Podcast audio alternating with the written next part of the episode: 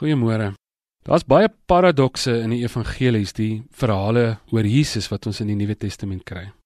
Jesus sê snaakse goed, hy sê vir groot mense, hulle moet soos kinders word as hulle sy koninkryk wil ingaan. Hy sê vir leiers, hulle sal moet leer om dienaars te wees as hulle wil goeie leiers wees. Hy sê hy wat eerste sal laaste wees en so voort. Hy beloof lewe in oorvloed Johannes 10 vers 10. Hy sê ek kom om julle lewe te gee en lewe in oorvloed. Maar dan op 'n ander plek dan sê hy jy moet jou kruis opneem as jy my wil volg. Wat beteken dit jy moet eintlik in jouself sterf? Is 'n baie pynlike ding om 'n kruis op te neem. Hy sê in hierdie wêreld sal julle dit moeilik hê op een plek en op 'n ander plek sê hy ons blydskap sal volkome wees as ons liefhet soos hy liefhet. So mens kry hierdie twee soorte vreugdes dink ek. Ek dink nie hierdie goed staan teenoor mekaar nie. Dit kan eintlik baie goed saam bestaan, maar dan moet ons verstaan dat daar meer as een soort vreugde is in hierdie lewe. Daar's 'n gewone vreugde. Daai gewone normale vreugde van wanneer jy roomys eet of op vakansie gaan of partytjie hou of na 'n mooi sonsondergang kyk. Dis lekker. Maar daar's ook 'n vreemde vreugde. 'n meer pynlike vreugde in hierdie wêreld. Dis daai vreugde wat 'n atleet ervaar as hy die wêreldrekord breek. As jy pynmeters op sy lyf kon hê, sou jy gesien het sy longe brand op daai stadium soos nog nooit voorheen in sy lewe. Sy elke spier pyn waarskynlik. Sy hart klop asof hy uit sy bors uit wil spring. Daar's pyn oral op hom.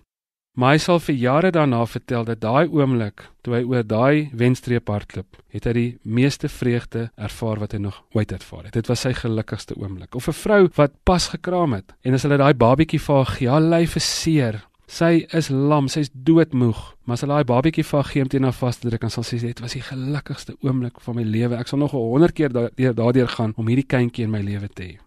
So mens kry hierdie dieper vreugde en ek dink die lewe in oorvloed waarvan Jesus praat, het baie meer daarmee te doen.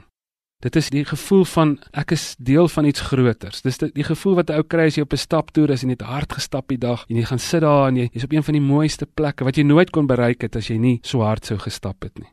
Hierdie dieper blydskap is die gevoel van ek is moeg en my lyf is seer, maar wow, is dit nie die moeite werd nie.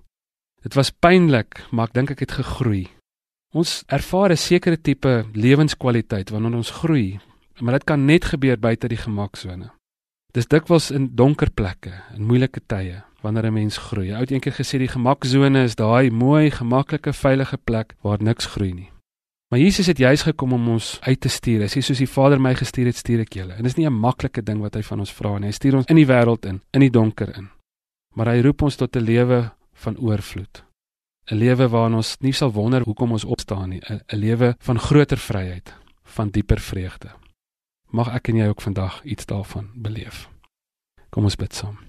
Here, dankie dat U gekom het om vir ons lewe en lewe in oorvloed te gee. Dat dit dat U juis vir ons iets gegee het waarvoor ons kan opoffer, waarvoor ons moeite kan doen, wat so die moeite werd is dat al is daar partykeer pyn wat daarmee saamgaan, dat daar ook 'n dieper vreugde daarin is in Jesus Christus se naam. Amen.